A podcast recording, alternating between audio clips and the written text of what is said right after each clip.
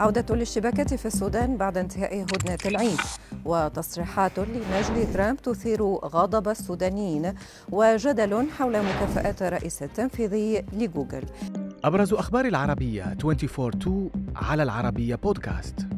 بعد ساعات قليلة على نهاية هدنة العيد عادت الاشتباكات لتتجدد في السودان بين الجيش وقوات الدعم السريع حيث سمع دوي انفجارات في محيط مطار الخرطوم وشوهدت أعمدة الدخان تتصاعد من المطار الذي لا يزال متوقفا عن العمل منذ عشرات أيام. وبخصوص الحديث حول استمرار وقف إطلاق النار قال المستشار السياسي لقائد قوات الدعم السريع فارس النور قال إن هدنة جديدة ستبدأ خلال ساعة ساعات لافتا إلى أن قواتي ستحقق أهدافها سواء بالعمل العسكري أو بالتفاوض فيما لم يعلق الجيش حتى الآن على الأمر.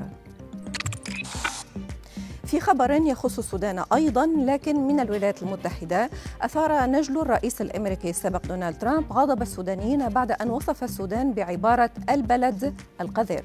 دونالد ترامب جونيور انتقد في تغريدة على تويتر طريقة الرئيس الأمريكي جو بايدن في إجلاء موظفي السفارة الأمريكية قائلا إن بايدن ترك 16 ألف أمريكي فيما وصفه بالبلد الفقير القذر الذي مزقته الحرب وأن قدرة بايدن اقتصرت القرارات على سحب طاقم السفارة فقط. مغردون سودانيون استنكروا هذا التعليق معتبرين وصف السودان بتلك العبارة بالأمر المهين وطلب البعض منهم بحذف هذه التغريدة وبتقديم اعتذار رسمي. في وقت سرحت شركة جوجل نحو 12 ألف موظف ضمن خطط واسعة لتقليص عدد موظفيها بحجة تقليل النفقات. تقاضى مديرها التنفيذي سوندار بيتشاي نحو 226 مليون دولار خلال العام الفائت كرواتب ومكافآت وفقا لبيانات الشركة الأم ألفابت ذلك المبلغ الكبير أثار الكثير من الجدل إذ يقدر راتب بيتشاي السنوي بمبلغ مليوني دولار.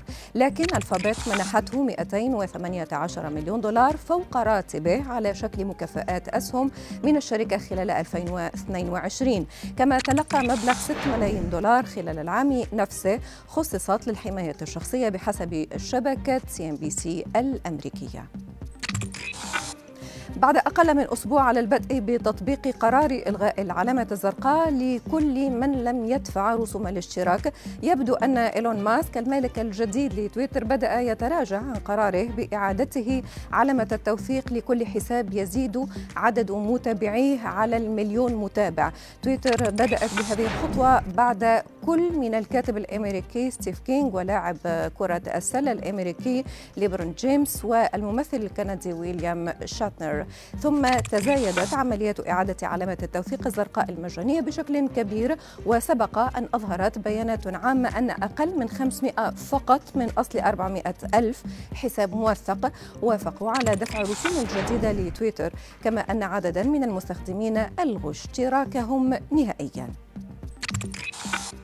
ونختم من القارة العجوز حيث الوكالة الأوروبية للبيئة في تقرير لها قالت إن تلوث الهواء يتسبب بأكثر من 1200 حالة وفاة مبكر سنويا لأشخاص دون سن 18 في أوروبا. الوكالة أضافت أن العديد من الملوثات الرئيسية في الجو لا تزال مستوياتها أعلى من توصيات منظمة الصحة العالمية لا سيما وسط أوروبا وفي شرقها كذلك. وفي تقرير آخر كشفت الوكالة الأوروبية أن ما لا يقل عن 200 238 ألف شخص عام 2020 توفوا مبكرا في الاتحاد الأوروبي وفي تركيا والنرويج وسويسرا بسبب تلوث الأجواء. وأوصت بأهمية الحفاظ على الهواء النقي بالقرب من المدارس ورياض الأطفال ووسائل النقل المشتركة وغيرها من المنشآت.